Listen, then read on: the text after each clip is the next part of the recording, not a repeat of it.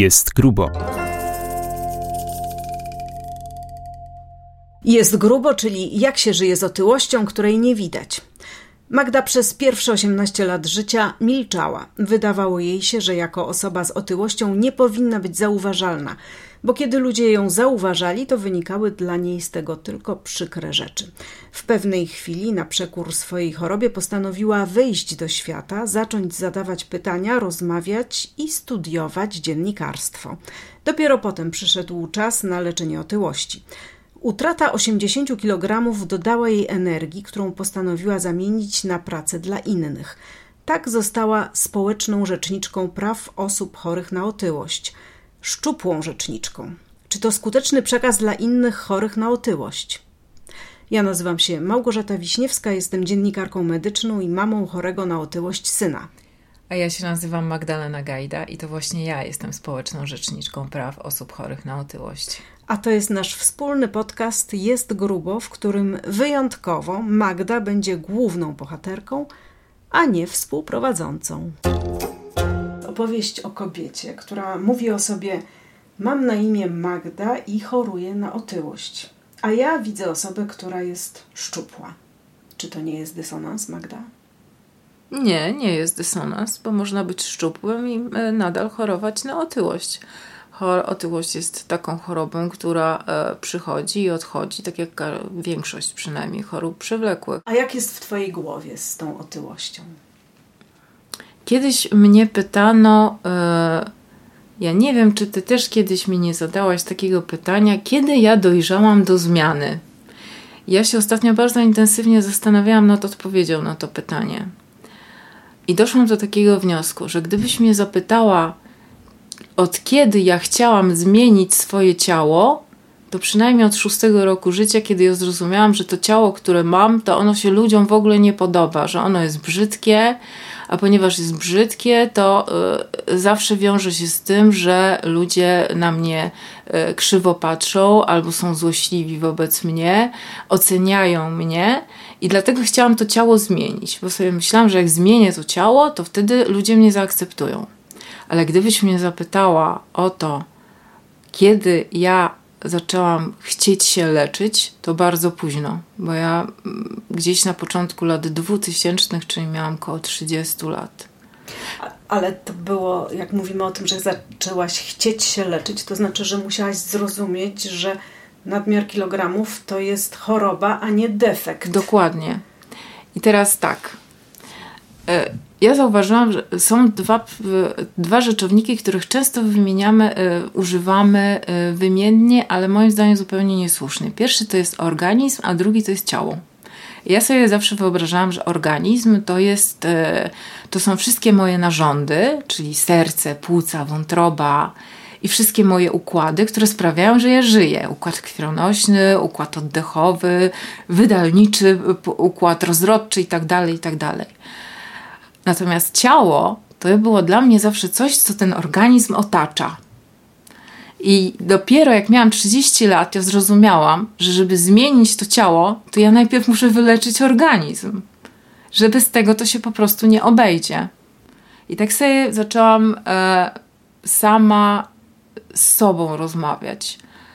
Czy rzeczywiście jest tak, że ja nie mogę zmienić swojego ciała, jeśli mi się nie podoba, bo może mi się podobać jeżeli e, ja nie dojdę do tego, co spowodowało, że to ciało urosło.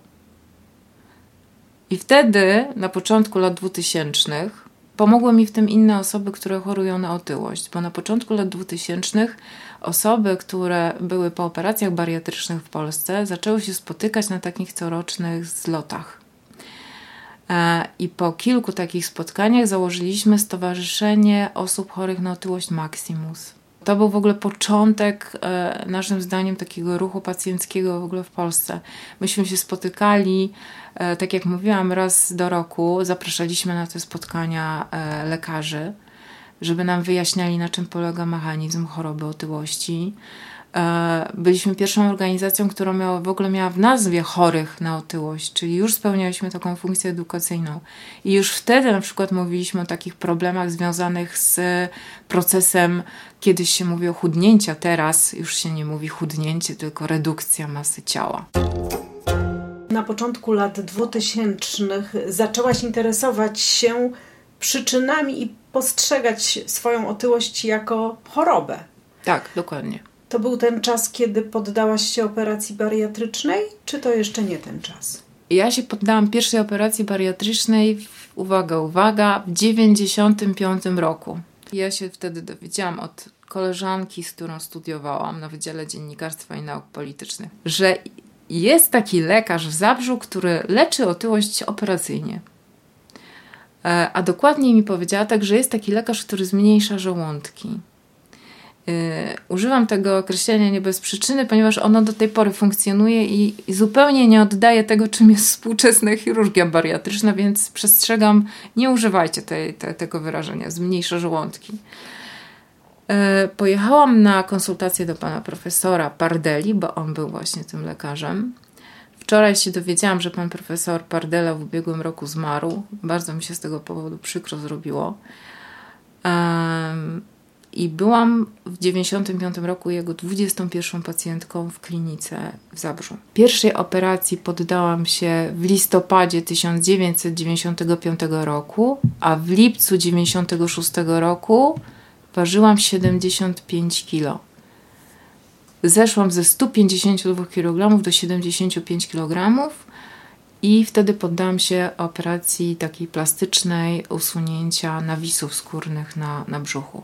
A na początku lat 2000 zaczęłam z powrotem przybierać na wadze. Czyli 5-4 lata później. 4 tak? lata później.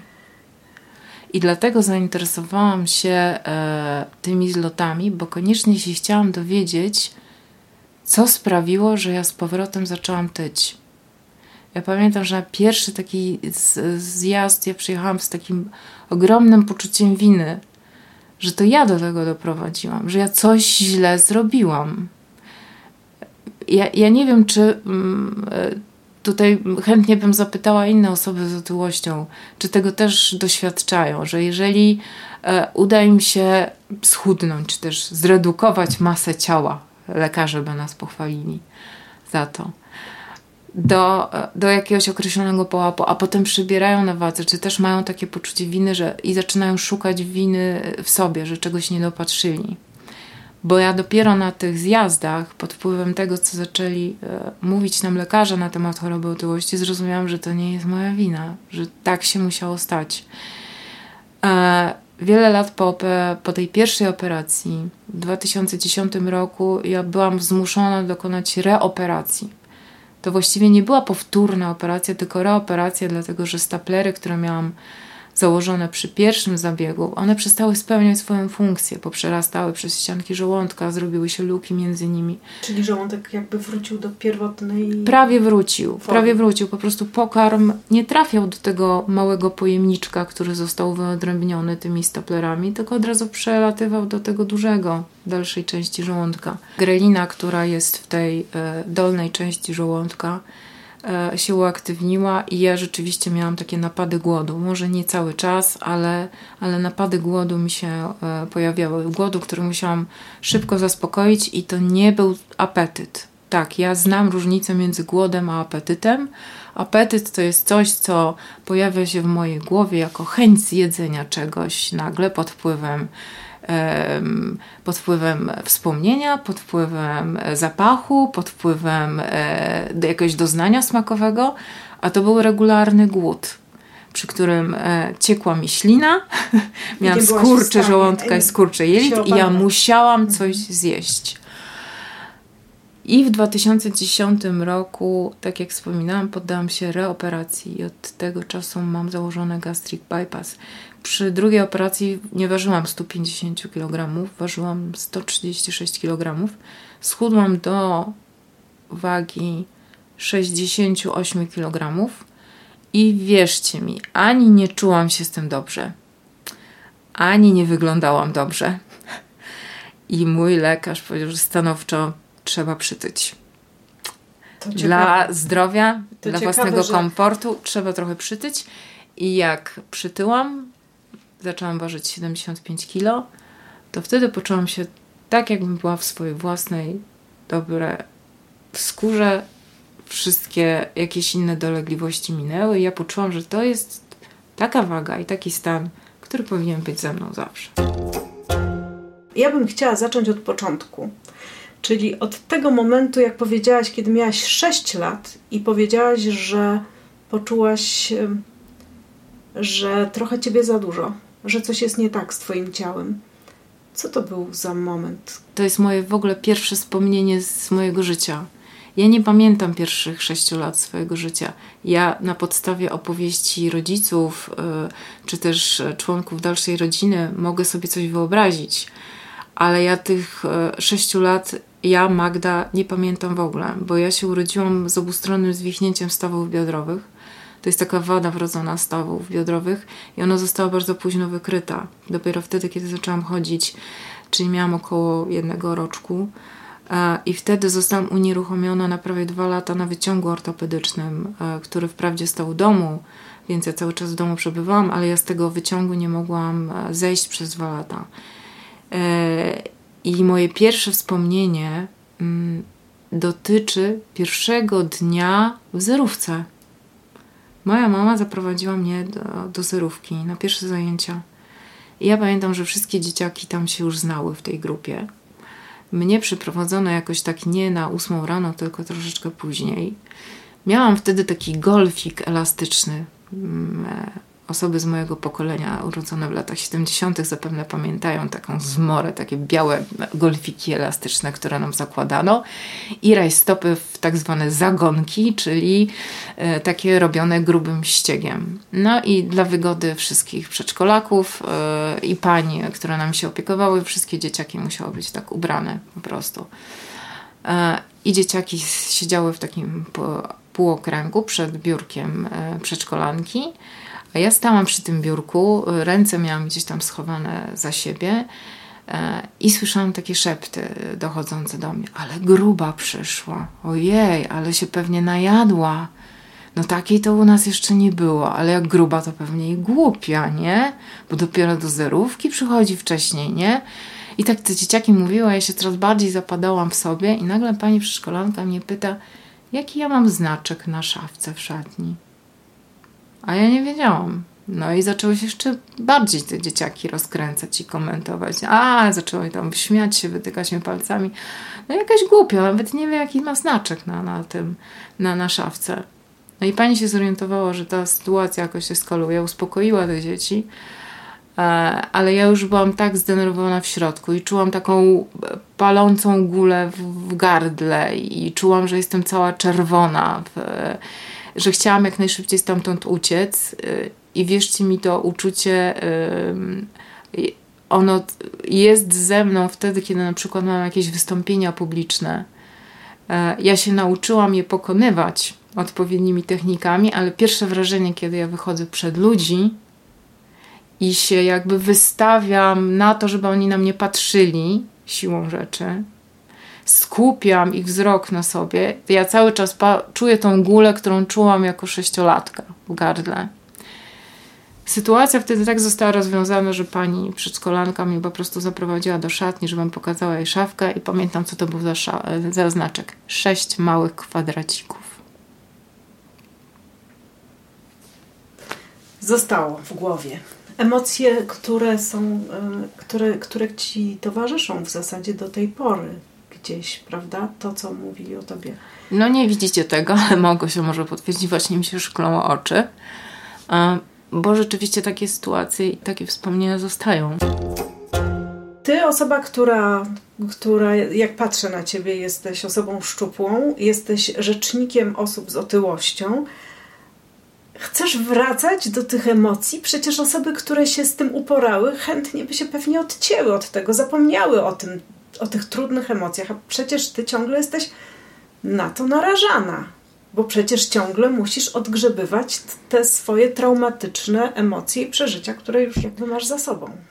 To prawda, ale po pierwsze, mm, z wieloma e, takimi trudnymi przeżyciami ja dzięki właśnie temu, że zaangażowałam się w pracę społeczną, to się z tym uporałam, paradoksalnie. Na przykład? E, na przykład z tą historią, którą Ci opowiadałam przed chwilą, albo z historią o tym, jak miałam 12, nie, przepraszam, 14 lat i zostałam obrzucona kamieniami przez kolegów ze szkoły. I ja mogę o tym mówić i to y, wzbudza we mnie jakieś emocje, natomiast nie takie, że te emocje później zostają i, i nie dają mi żyć. Y, natomiast drugi powód jest taki, że ja jestem takim człowiekiem, że sobie pomyślałam, że ta cała moja historia, to ona była po coś. Z jakiegoś powodu mi się to wszystko wydarzyło i może, i może to jest tak, że, y, że ja powinnam się tymi historiami dzielić, bo w ten sposób będę mogła komukolwiek pomóc. Ja pamiętam, co powiedziała moja siostrzenica, kiedy ukazał się pierwszy artykuł y, z moją historią. Mm, I ona ten artykuł przeczytała, a wtedy miała, była nastolatką. E, przeczytała ten artykuł, przeczytała tą historię o tym, jak właśnie koledzy obrzucili mnie kamieniami i powiedziała, wiesz ciocia, jaka jest różnica między twoimi czasami a, nasz, a, a obecnymi, naszymi? Taka jest różnica, że teraz ci chłopcy, którzy obrzucili cię kamieniami, to jeszcze nagraliby filmik i wrzucili do netu. Tak sobie pomyślałam, kiedy y, usłyszałam o pomyśle y, ustanowienia takiej osoby jak rzecznik, społeczny rzecznik praw osób chorych na otyłość, a z tym pomysłem przyjechał na zlot Stowarzyszenia Maximus y, pan doktor Mariusz Wyleżał,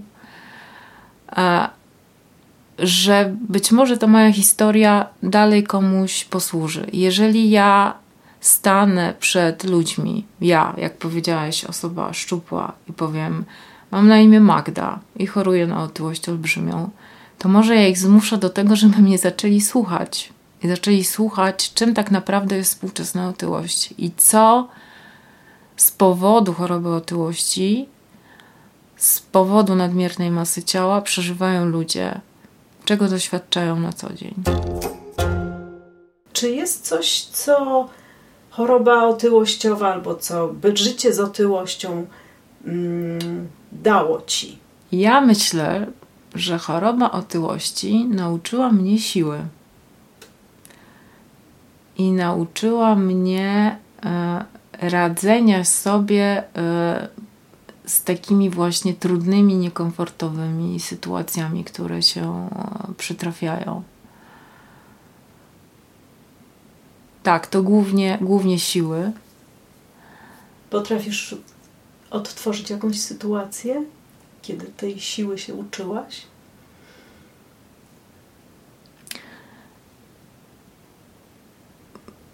Mój wybór studiów. Opowiem Wam, dlaczego wybrałam dziennikarstwo. Bo ja przez yy, właściwie yy, mm, 18 lat swojego życia, pierwsze, to ja niewiele mówiłam, w ogóle się niewiele odzywałam, a tym bardziej po tej całej historii tam w przedszkolu.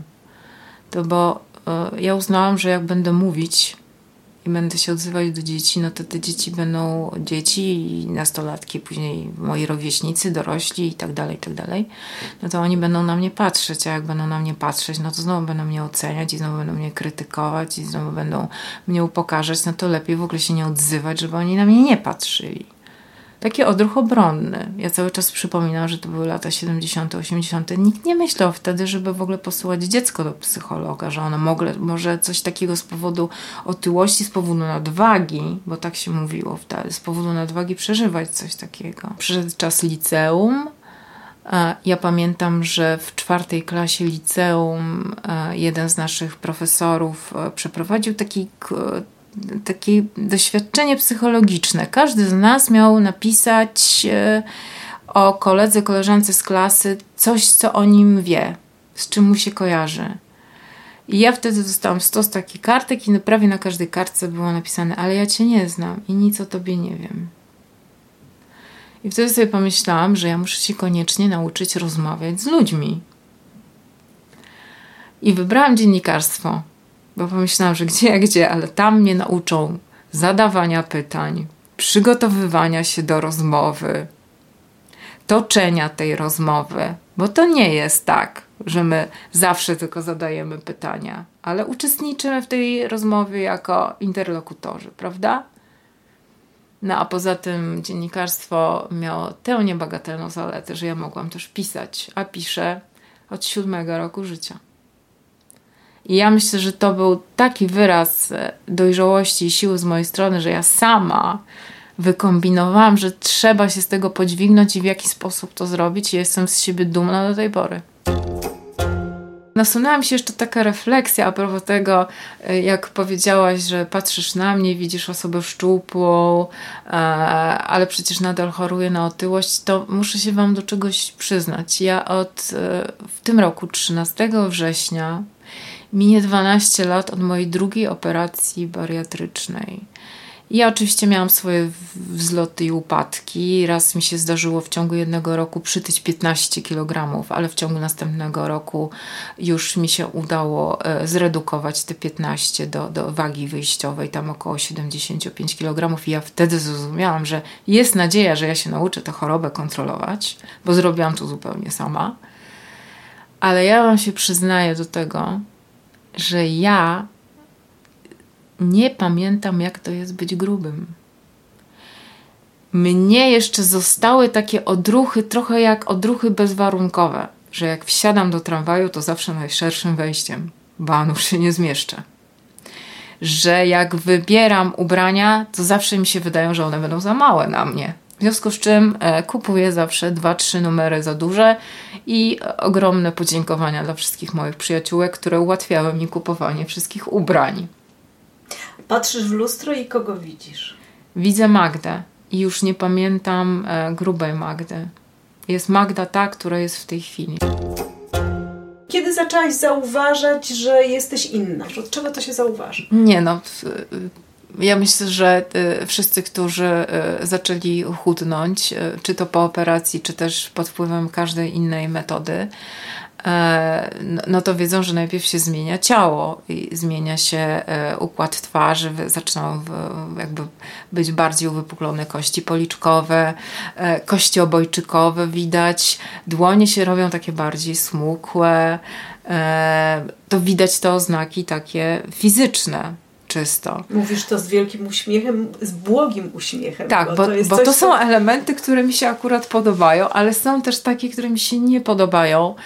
I e, póki będę miała sił, to, to będę o to walczyć, e, a mianowicie o e, operacje plastyczne dla osób, które są po redukcji masy ciała bo nie wszystkie, e, nie wszystkie e, elementy, nie wszystkie części naszego ciała pozostają takie, jakbyśmy sobie tego życzyli po pochudnięciu. To nie jest, słuchajcie, tak jak w programie Photoshop, że tam sobie włączacie funkcję pędzla i tam prze, przebiegacie sobie po, po, po linii bioder i biodro jest takie ładne, fajne, zaokrąglone, ale w dodatku jeszcze jędrne. Bo to tak nie jest.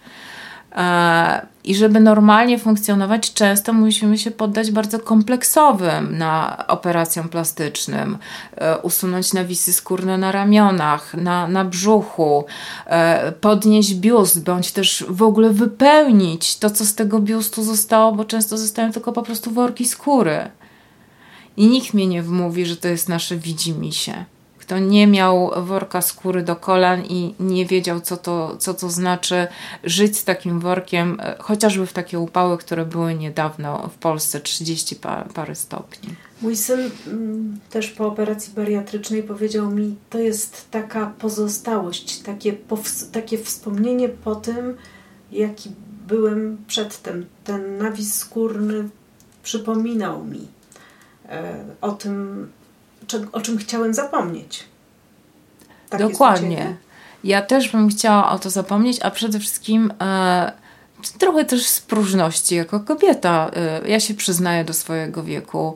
Mam 51 lat. Nie farbuję włosów, ponieważ uważam, że siwieje bardzo ładnie i nie zamierzam tego, tego zmieniać, ale e, też chciałabym się pokazać, pokazać swoje ciało publicznie, a w tej chwili nie mogę tego zrobić. Ja nie chodzę na basen nie wyjeżdżam na, na wczasy y, y, nad morze czy też na ocean, nie, nie, nie mogę wskoczyć w kostium kąpielowy, bo wierzcie mi, jestem w takich miejscach jedyną osobą, która skupia na sobie wzrok i wszyscy się dziwią. Ale jak to się w ogóle stało, że no jeszcze całkiem fajna kobieta, tak z twarzy patrząc. Tutaj szczupła, ramiona ma szczupłe, wszystko szczupłe i te wielkie odłamy skóry, które jej wszędzie wiszą. Jak to się w ogóle mogło stać? I nawet jeżeli ktoś nie mówi mi, ale ja to widzę we wzroku, że no nie wygląda to estetycznie, a chciałabym jeszcze do tego wyglądać estetycznie. Co się dzieje w głowie, jak zaczynasz chudnąć po operacji bariatrycznej? To jest coś, co y, naukowcy y, ze Szwecji zaczęli badać i nazwali to wstępnie kryzysem tożsamości. Bo człowiek się wtedy czuje tak, jakby w ogóle dostał skrzydeł u ramion i w ogóle czuje tyle siły, że może zmienić cały świat, a przede wszystkim zmienić całe swoje życie. I czasami to idzie, mm, to zostaje spożytkowana ta energia nie w tym kierunku, co trzeba. Bo zdarzają się takie sytuacje, kiedy właśnie w tym kryzysie tożsamości, kiedy odkrywamy samego siebie na nowo, kim my jesteśmy, jakie są nasze potrzeby, czy my chcemy być w tej relacji e, z jakimś człowiekiem, czy już nie chcemy.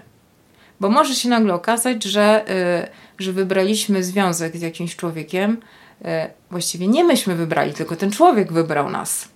Prawda? A teraz dochodzimy do wniosku, że właściwie to my możemy wybierać, więc dlaczego tkwić w takiej relacji? A właściwie dlaczego by nie zmienić pracy i nie wyjechać na, do Nowej Zelandii strzyc owce? Euforia. Euforia. Ja to myślę, nie widziałam, nie czytałam żadnych badań na ten temat, ale ja myślę, że po tym całym chudnięciu to te hormony szczęścia, serotonina, adrenalina, noradrenalina to po prostu w nas bucha. I ja się przyznaję, że we mnie też tak buchała. I Długo? dopiero. Długo to było? No, kilka lat. Kilka lat. I co na przykład robiłaś wtedy? W jakim kierunku szły Twoje u mnie na szczęście. Działania. U mnie na szczęście, mam nadzieję, że wszyscy uznacie, że na szczęście, bo to poszło w kierunku pracy społecznej. I ja wtedy e, na prośbę moich kolego, koleżanek i kolegów ze stowarzyszenia zgodziłam się e, pełnić funkcję społecznego rzecznika praw osób chorych na otyłość. A rok później założyłam fundację Odwaga i zaczęłam udzielać się społecznie. E, czy zrezygnowałam z jakiejś relacji z ludźmi? To ciekawe. Nie, to chyba bardziej ci ludzie zrezygnowali i, i ze mnie. Ja pamiętam. Bo się zmieniłaś? Bo się zmieniłam. Bo już nie byłaś taką samą Magdą jak bo... kiedyś? Opowiem taką historię. Mam nadzieję, że moja najlepsza przyjaciółka Magda też y, mi wybaczy, ale on jakby obrazuje y, myślę, że lęki i obawy, które mają nasi bliscy, czy to rodzina, czy, czy partnerzy, partnerki, czy też nasi przyjaciele, w momencie, kiedy my zaczynamy chudnąć.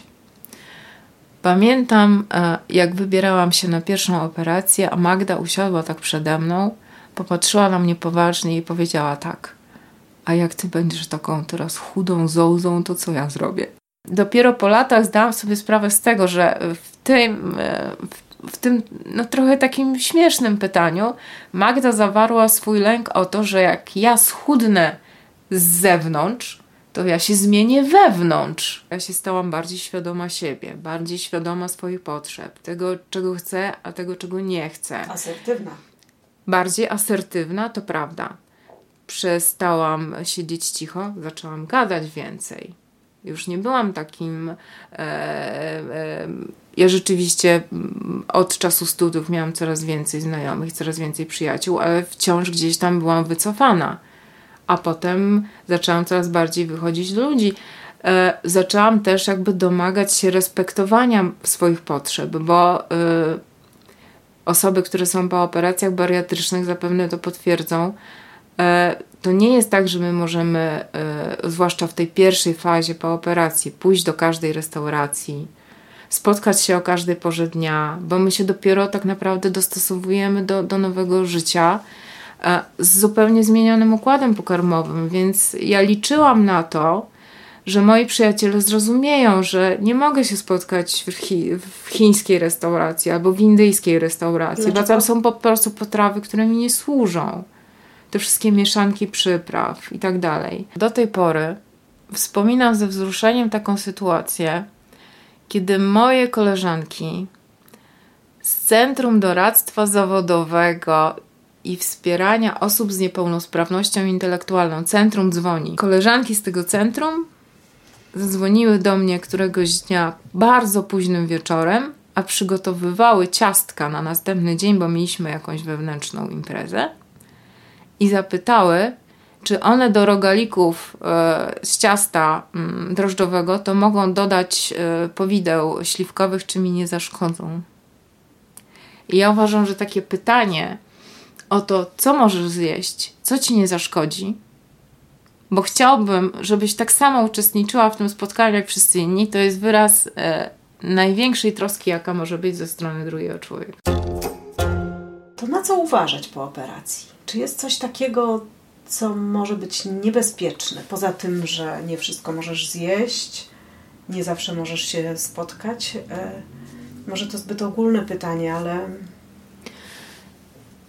jest coś takiego szczególnie trudnego? Powiem tak, Małgosiu. Wywołałaś kolejny temat i kolejną grubszą sprawę, bo o tym moglibyśmy jeszcze rozmawiać godzinami. I ja myślę, że tutaj u, nie ujawnię jakiejś zbytniej tajemnicy, że e, będziemy mieli eksperta od tych spraw w naszych podcastach. I chciałabym e, zadać mu podobne pytanie do, do tego, które mi zadałaś przed chwilą. Ja tylko mogę powiedzieć, że okres po operacji dochodzenia do siebie, nawet do kilku lat, to nie jest czas na podejmowanie radykalnych decyzji życiowych. Dajcie temu organizmowi trochę odpocząć, uspokoić się, zacząć pracować w zupełnie nowym rytmie, poznać od nowa siebie, a dopiero potem podejmować decyzje. Ty jesteś już 12 lat po operacji. Czy jest taki moment w życiu osoby po operacji bariatrycznej, osoby z otyłością, tak jak ty, kiedy można powiedzieć: OK, ja mogę teraz powiedzieć, że nauczyłam się żyć z tą chorobą i wiem, że jestem spokojna. Ty powiedziałaś, że był taki moment wcześniej, ale, ale czy, czy można ten spokój osiągnąć w którymś momencie? Powiem tak. Mnie się wydaje, że ja się nauczyłam, ale ja nie wiem, czy ta choroba nie wróci. Zwłaszcza, że robię się coraz starsza, mogą i już mi się przyplątały inne choroby, biorę coraz więcej leków, nie wiem, co się przytrafi mi jeszcze w życiu. Ale pamiętam e, jednego z bohaterów moich reportaży, osobę też e, chorą na otyłość olbrzymią, która powiedziała mi: Słuchaj, ja myślę, że to jest tak, że jak ja będę umierał i jak ja będę ważył tyle co teraz, czyli około 70 kg, to ja wtedy będę mógł powiedzieć, że ja wygrałem z tą chorobą. Mówiłaś o swoim pierwszym wspomnieniu sześciolatki w zerówce. E, dziewczynki, która była poddana terrorowi oprawców, można powiedzieć, kolegów oprawców. Czy jest coś, co mogłabyś dziś powiedzieć tej dziewczynce? Czy jest coś, co mogłabyś zrobić dla tej dziewczynki? Dla siebie. Dla siebie i dla innych osób. Mogłabym jej powiedzieć: Nie przejmuj się. To nie Twoja wina. Jesteś chora. I na pewno będzie dobrze. Chciałabym doprowadzić do tego, żebyśmy my wszyscy widzieli otyłość jak każdą inną chorobę. Bo jeżeli tak się stanie, a wiem, że to jest bardzo trudne, że przychodzi nam się zmierzyć z wieloma mitami, stereotypami, które są zakorzenione przez pokolenia i gdzieś tam nas tkwią. Nawet jeżeli o tym nie mówimy, to może często e, łapiemy się na, jakiś, na, jakiś, na jakieś myśli, która nam przebiega przez głowę, patrząc na, na człowieka chorego na otyłość, co on ze sobą zrobił. Ja jestem w stanie zrozumieć, że gdzieś tam to jeszcze jest naturalne, ale jeżeli uznamy, że otyłość jest taką samą chorobą jak wszystkie inne, to wszystko się staje naturalnie proste, bo skoro jest chorobą i mu uznajemy ją za chorobę, to ją się tak samo leczy jak wszystkie inne choroby. A jaka jest Wasza historia życia z otyłością? Czy otyłość, której nie widać, to ciągle otyłość? Czy można raz na zawsze odciąć się od trudnych wspomnień z czasu choroby? Piszcie do nas, dzielcie się swoimi historiami w komentarzach pod naszym podcastem. Zapraszamy, Małgorzata Wiśniewska i Magdalena Gajda.